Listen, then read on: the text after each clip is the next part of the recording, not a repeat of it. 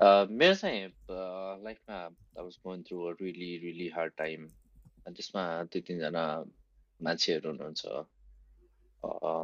जसले मेरो लाइफमा त्यो टर्न अथवा त्यो ट्विस्ट ल्याउन सफल हुनुभएको थियो त्यसमध्येको एकजना मेरो कोही एकदम मिल्ने साथी उहाँले कुनै दिन यो सुन्नुभयो भने एकदम धेरै हृदयदेखि नमन।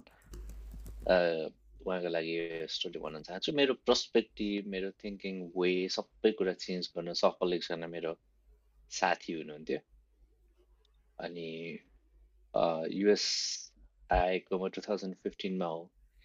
अनि म चाहिँ अलिकति अहिले चाहिँ युएसमा छु त्यसले गर्दाखेरि त्यो बेला चाहिँ मेरो अलिकति स्ट्रगलिङ टाइम चलिरहेको थियो भनौँ न इनिसियली त्यो बेला चाहिँ अब सो फ्रस्ट्रेटेड अनि मैले चाहिँ म नेपाल फर्किन्छु भनेर सोचेको थिएँ।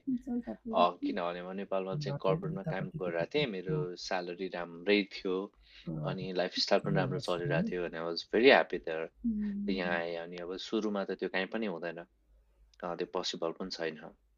अनि त्यो स्ट्रगलिङ टाइममा चाहिँ म अलिकति फ्रस्ट्रेट भएर अब म चाहिँ बरु नेपालै फर्किन्छु मलाई मेरो आफ्नै देश ठिक छ आफ्नै ठाउँ ठिक छ भन्ने एउटा मेन्टालिटी डेभलप भएको बेला होइन you are the tiger you can fight back होइन you can do better than that भनेर इन्करेज गर्ने कोही एकजना हुनुहुन्थ्यो।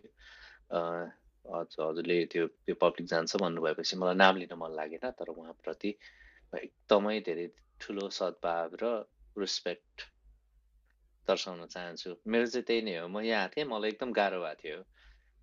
तर कसैको प्रेरणाले कसैको सपोर्टले अनि कसैको मायाले म स्ट्यान्ड अलोन भएको थिएँ यहाँनिर। अनि इभेन्चुली उहाँले जे भन्नुभएको थियो त्यो कुरा राइट भयो। अनि अहिले चाहिँ म त्यस्तो त्यो स्ट्रगलिङ फेजमा छैन। I would like to say am established अनि त्यसको लागि चाहिँ म थ्याङ्क यू भन्न चाहन्छु।